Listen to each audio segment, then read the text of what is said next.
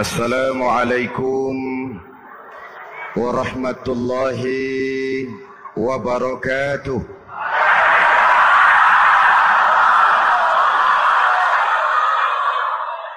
الحمد لله رب العالمين والصلاة والسلام على أشرف المرسلين سيدنا ومولانا محمدٍ وعلى آله وصحبه أجمعين أما بعد para ulama yang saya muliakan hadirin hadirat ma'asyiral muslimin yang saya cintai banyak kita alami perubahan-perubahan yang terjadi baik perubahan yang menyangkut sosial budaya lebih-lebih yang menyangkut sosial politik yang tidak banyak mengalami perubahan adalah sosial ekonomi. Bahkan angka kemiskinan kita naik menjadi tiga per lima dari total penduduk kita hidup di bawah garis kemiskinan. Dan 20 persen di antaranya miskin mutlak. Perubahan-perubahan yang terjadi menyadarkan kita kepada kebenaran Al-Quran ketika Allah menyatakan wa tilkal ayyamu nudawiluha bainan nas. Hari itu kami putar di antara manusia. Ada saat datang ada waktu pergi. Ada hari lahir ada saat kembali ada waktu dilantik ada saat menyerahkan jabatan hari kami putar di antara manusia dan hidup cuma sekadar menunggu giliran. Soalnya kemudian di tengah perubahan-perubahan yang terjadi begitu cepat, what must we do now?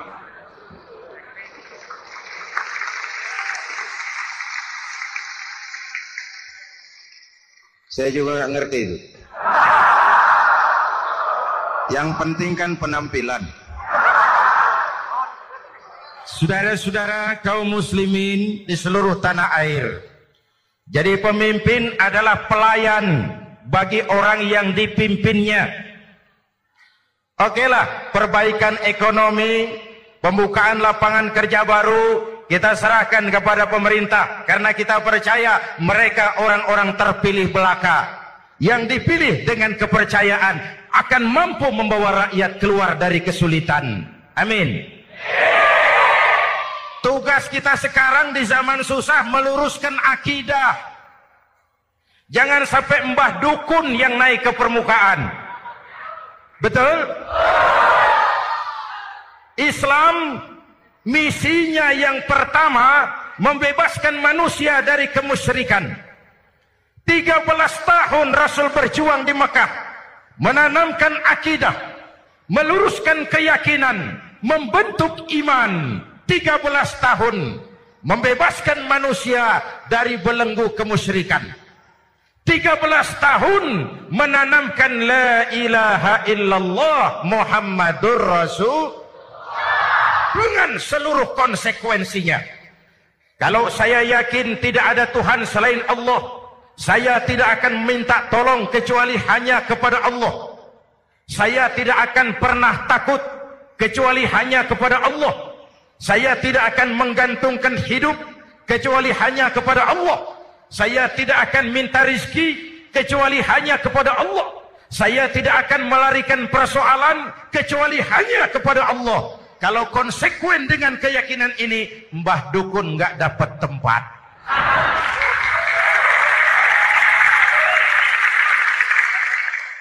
Akur, ayo lihat secara sederhana saya sandaran di tiang.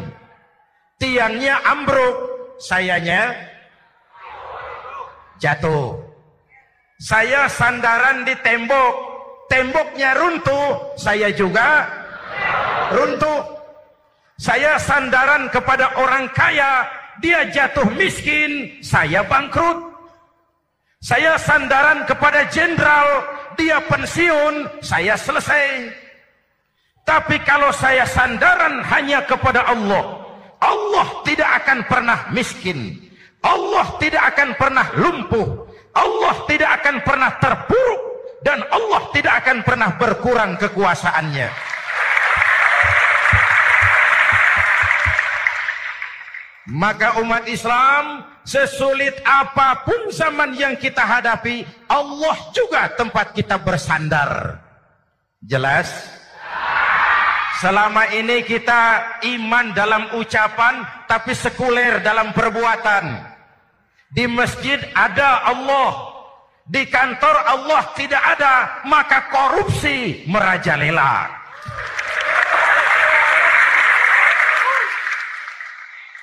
Di masjid ada Allah. Di pasar Allah tidak ada. Maka timbangan tetap curang. Kita iman dalam ucapan. Tapi sekuler dalam perbuatan. Oleh karena itu sesulit apa pun zaman yang kita hadapi. Iman jugalah pegangan kita. Allah juga tempat kita bersandar. Boleh zaman berubah.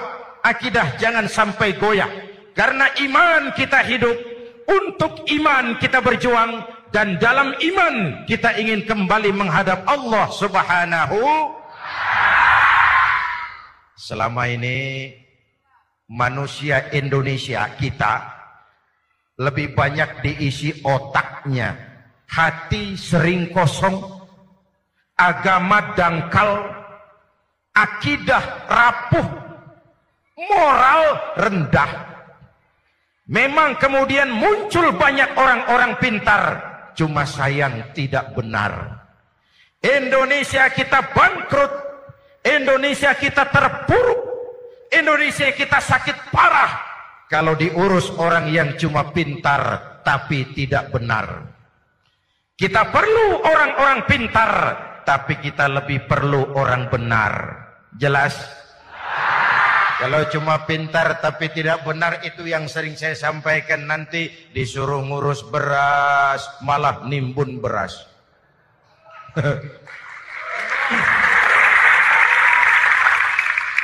disuruh ngurus laut malah jadi bajak laut. Disuruh ngurus hutan rame-rame jadi orang hutan. Jutaan hektar hutan Indonesia kita ini merupakan kekayaan sumber daya alam kita yang harus digunakan bagi sebesar-besar kemaslahatan rakyat. Yang disuruh ngurus hukum malah bikin hukum seperti pisau tajam ke bawah tumpul ke atas.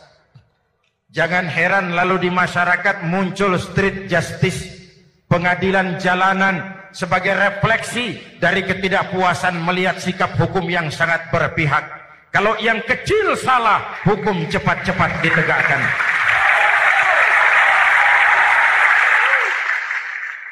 Lihat saja sekarang ini kalau orang terkenal banyak uang punya masalah, antri yang bela.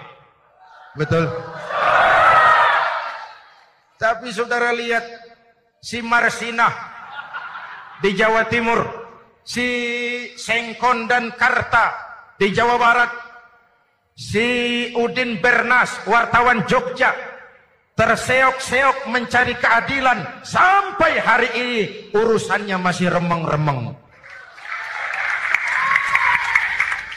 Kenapa bisa begitu? Jawabannya sederhana, tidak ada fulus. Ada fulus mulus. Tidak ada fulus manfus. Betul.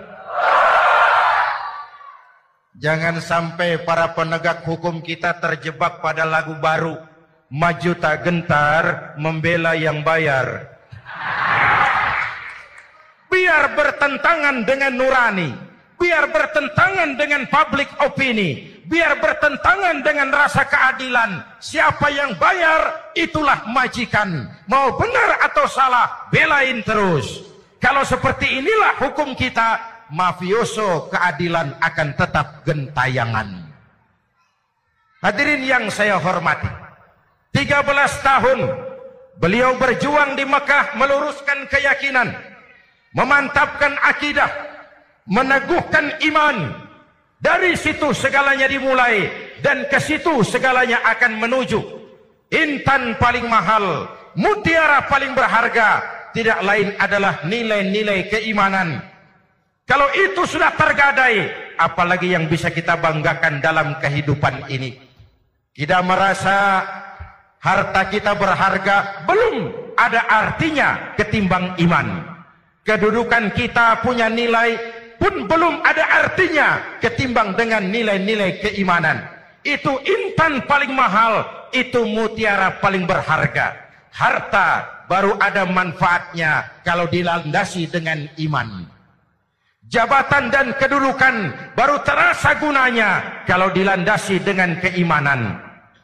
Kalau jabatan lepas dari iman, yang akan lahir Fir'aun, Fir'aun baru. Jelas? Kalau harta terlepas dari iman, yang akan muncul adalah konglomerat-konglomerat korun.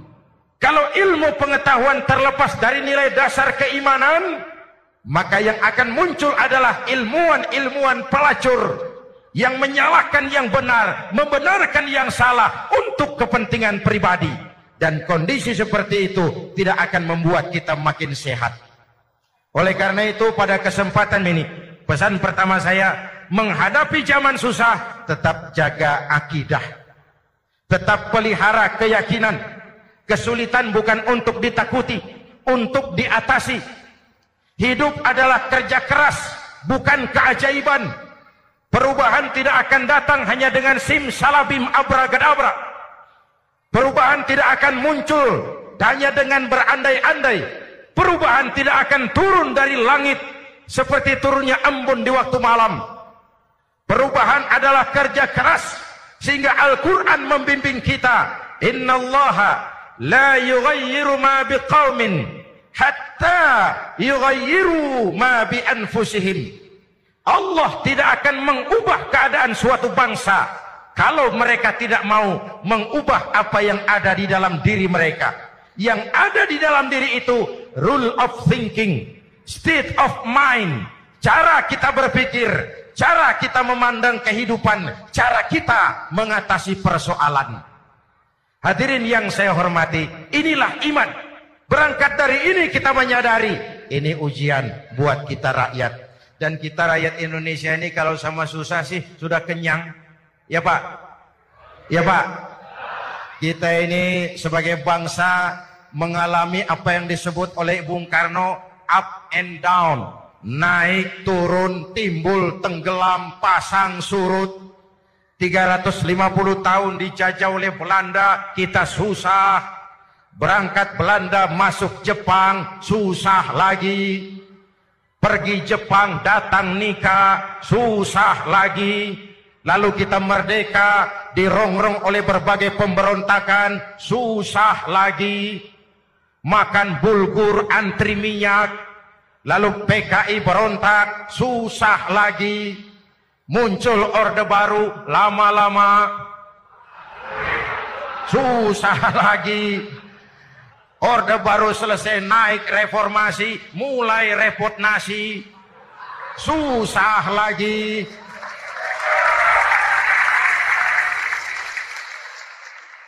Kalau susah kita ini sudah akrab, sudah intim, Mestinya kalau sudah susah seperti itu, jangan salah sikap menyikapi kesusahan.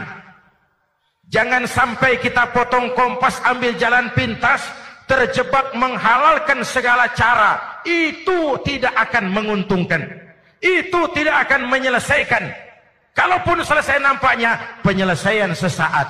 Dan penyelesaian sesaat bukan penyelesaian yang sebenarnya.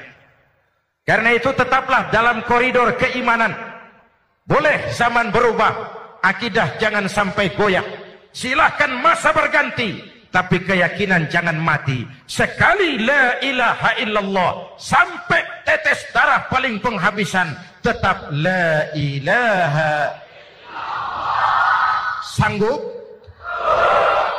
Tiga orang. Sanggup?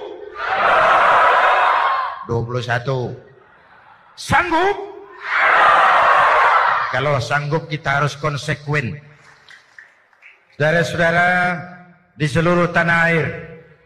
Misi yang kedua dari Islam setelah membebaskan manusia dari kemusyrikan, membebaskan manusia dari ras diskriminasi, mengikat manusia dengan tali akidah.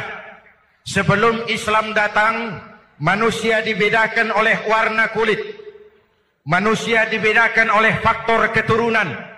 Manusia dibedakan oleh faktor harta dan benda.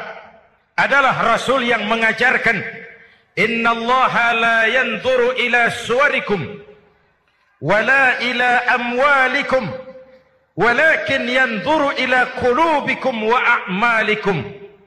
Allah tidak melihat potonganmu. Allah tidak melihat harta mu yang Allah lihat itu adalah hati. Mu. Dan amal perbuatan. Mu. Jauh. Sebelum Amerika teriak-teriak membanggakan apa yang mereka sebut sebagai Declaration of Independence Nabi sudah mengajarkan kepada kita semua annas kulluhum li Adam wa Adam min turab La fadla li Arabiyyin ala ujamiyyin illa bittaqwa. Seluruh manusia berasal dari Adam. Adam diciptakan dari tanah. Tidak ada kelebihan Arab dengan yang bukan Arab kecuali takwanya. Jauh sebelum Amerika mencanangkan bahwa semua manusia dilahirkan sama. That all men are created equal. Jauh sebelum itu Islam sudah membebaskan manusia dari ras diskriminasi. Apa dalam konteks kekinian menghadapi zaman susah tetap jaga kerukunan. Ya Pak. Ya Bu. Oi Bu. Menghadapi zaman susah tetap jaga kerukunan. Baik antar umat seagama, antar umat beragama, maupun antar umat beragama dengan pemerintah. Menjaga kerukunan. Jangan saling sikat sikut di antara kita. Sebab kalau sudah rukun saya ajak berhitung. Satu ditambah satu sama dengan itu matematika namanya. Hasilnya pasti tapi angka sosial hasilnya aneh saya ubah jadi angka sosial. Ayo kita berhitung lagi. Satu orang takut ditambah satu orang takut sama dengan dua orang setengah berani. Kenapa setengah berani? Karena sudah berdua. Tadi kan takut sendiri. Kalau sama-sama takut berkumpul jadi setengah berani. Kalau ditambah satu orang takut lagi satu orang takut ditambah satu orang takut ditambah satu orang takut sama dengan tiga orang berani. Kenapa jadi berani? Karena sudah bertiga. Kita yang lemah, kita yang marginal, kita yang dikucilkan, bahkan kita yang dilecehkan. Kalau mau rukun, kita akan kuat dan tidak bakal dipermainkan orang.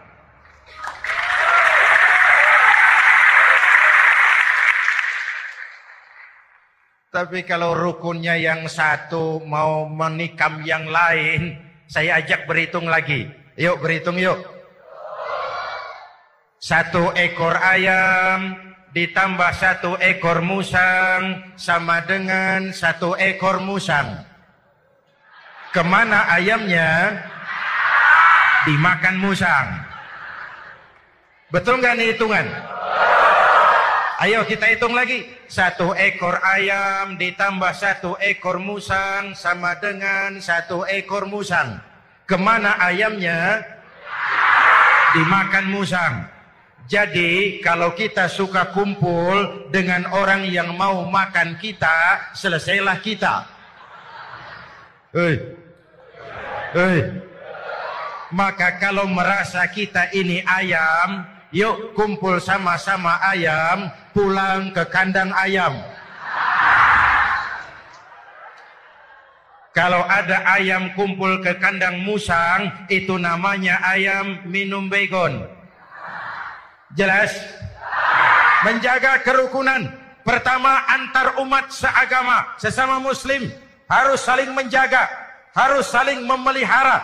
Baik dia muslim yang jadi kapolri, baik dia muslim yang jadi kasat, baik dia muslim yang jadi pengusaha, baik dia muslim yang jadi petani, nelayan, guru, semua komit menjaga semangat kebersamaan rukun antar umat seagama. Jelas? Jelas? Hadirin yang saya hormati, atas dasar itu saya ingatkan kembali. Kita semua ingin persoalan terorisme dilepaskan kaitannya dari agama mana pun. Tidak ada kaitannya terorisme dengan Islam, dengan Kristen, dengan Hindu, dengan Buddha. Tidak ada kaitannya terorisme dengan pondok pesantren,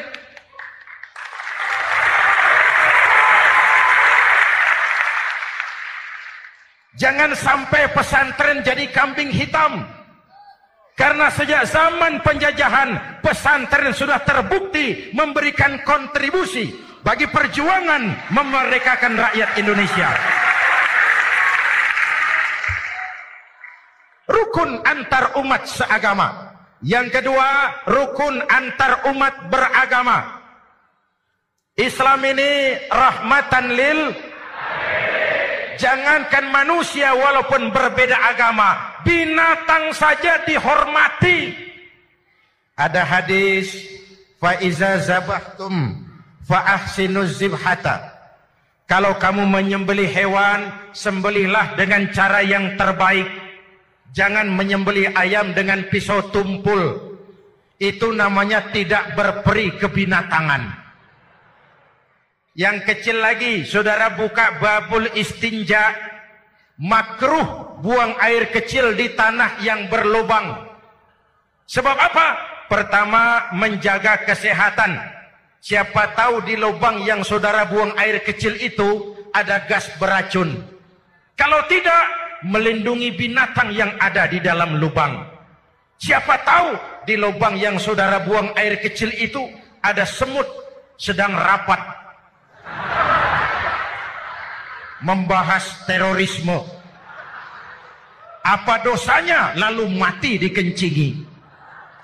Ini namanya rahmatan semut. Binatang saja dilindungi. Maka perbedaan agama tidak harus menyebabkan kita bertolak belakang. Perbedaan agama bukan alasan untuk saling bermusuhan. Apalagi kita sudah menyadari tentang kemajemukan kita tentang kebinekaan kita, tentang keragaman kita, rukun antar umat beragama. Saling menghormati, saling menghargai, tapi tetap dalam batas lakum dinukum. Lalu rukun antar umat beragama dengan pemerintah.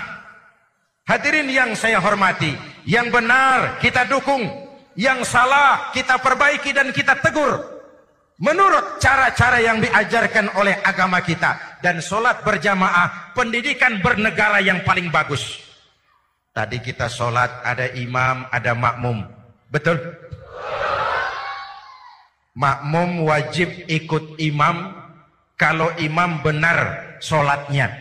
Rakyat wajib ikut pemimpin kalau pemimpin benar mimpinnya Masyarakat Islam ini loyal. Masyarakat Islam ini bukan pemberontak.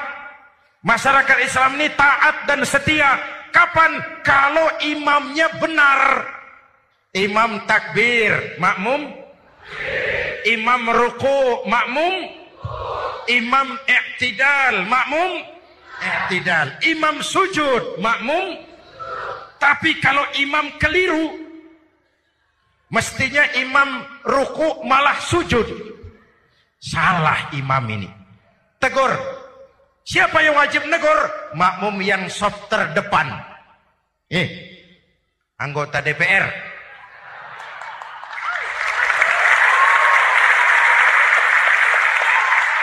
Ini wakil-wakil makmum ini. Soft di depan ini. Kalau imam keliru mereka paling tahu. Ngomong. Tegur. Bagaimana negurnya? Ada aturan main. Mestinya ruku imam sujud. Salah ini imam. Subhanallah. Kan begitu negurnya. Betul? Tidak boleh juga imam keliru makmum emosi. Main pegang. Woi makmum salah. Hoi hoi. Kacau sholat. Betul? Anggota dewan ini. Soft di depan. Itu kalau imam keliru. Satu saat imam buang angin. Namanya manusia bisa buang angin toh. Apa makmum lalu berkata, demi kesetiaan saya kepada imam, imam buang angin, saya lebih keras lagi. Itu namanya fanatisme buta, loyalitas yang goblok. Imam buang angin, minggir, Iyyaka na'budu wa iyyaka nasta'in. Sampai situ imam buang angin, minggir imam. Lalu soft yang di depan maju. Tidak usah bikin sholat baru, teruskan pekerjaan imam.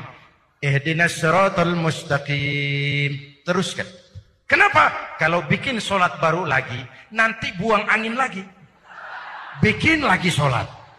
Kapan selesainya sholat? Kapan selesainya membangun negara ini? Yang penting imam tahu diri, buang angin, minggir.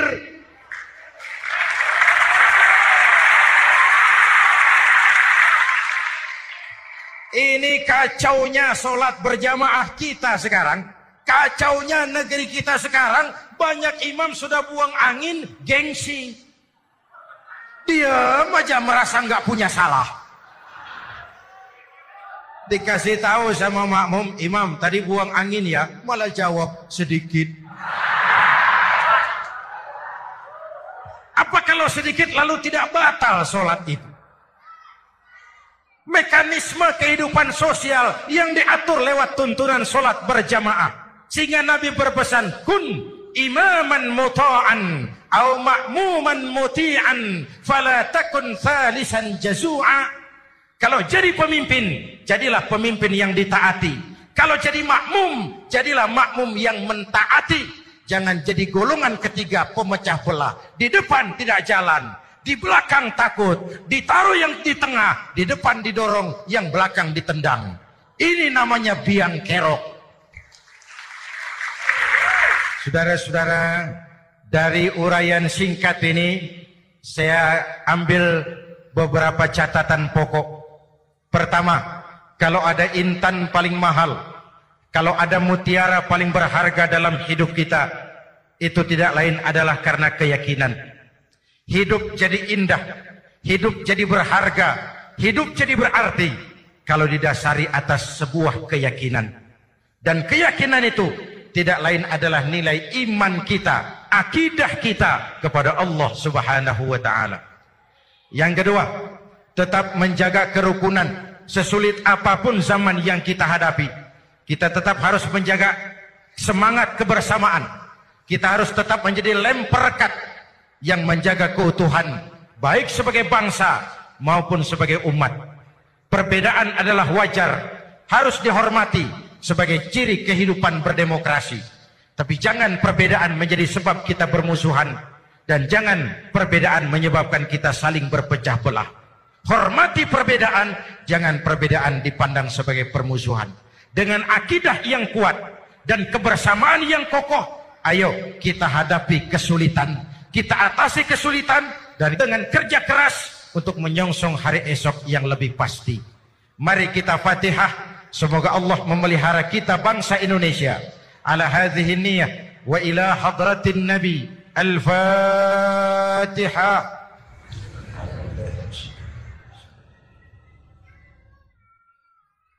إياك نعبد وإياك نستعين. من الصراط المستقيم. صراط الذين أنعمت عليهم. بسم الله الرحمن الرحيم. أمين. الحمد لله رب العالمين. اللهم صل وسلم وبارك على سيدنا محمد وعلى آله وصحبه أجمعين. اللهم ربنا تقبل منا صلاتنا وصيامنا. wa qiyamana wa takhassu'ana wa ta'abbudana wa tamim taksirana ya arhamar rahimin. Allahumma aslih man fi salahihi salahul muslimin. Allahumma ahlik man fi halakihi salahul muslimin. Allahumma rabbana la tu'akhizna in nasina au akhtana. Rabbana wala tahmil alaina isran kama hamaltahu ala alladhina min qablina. ربنا ولا تحملنا ما لا طاقة لنا به. واعف عنا واغفر لنا وارحمنا. أنت مولانا فانصرنا على القوم الكافرين. اللهم اجعلنا من السعداء المقبولين. ولا تجعلنا من الأشقياء المردودين. أفضل ما قلته أنا والنبيون من قبلي. لا إله إلا الله.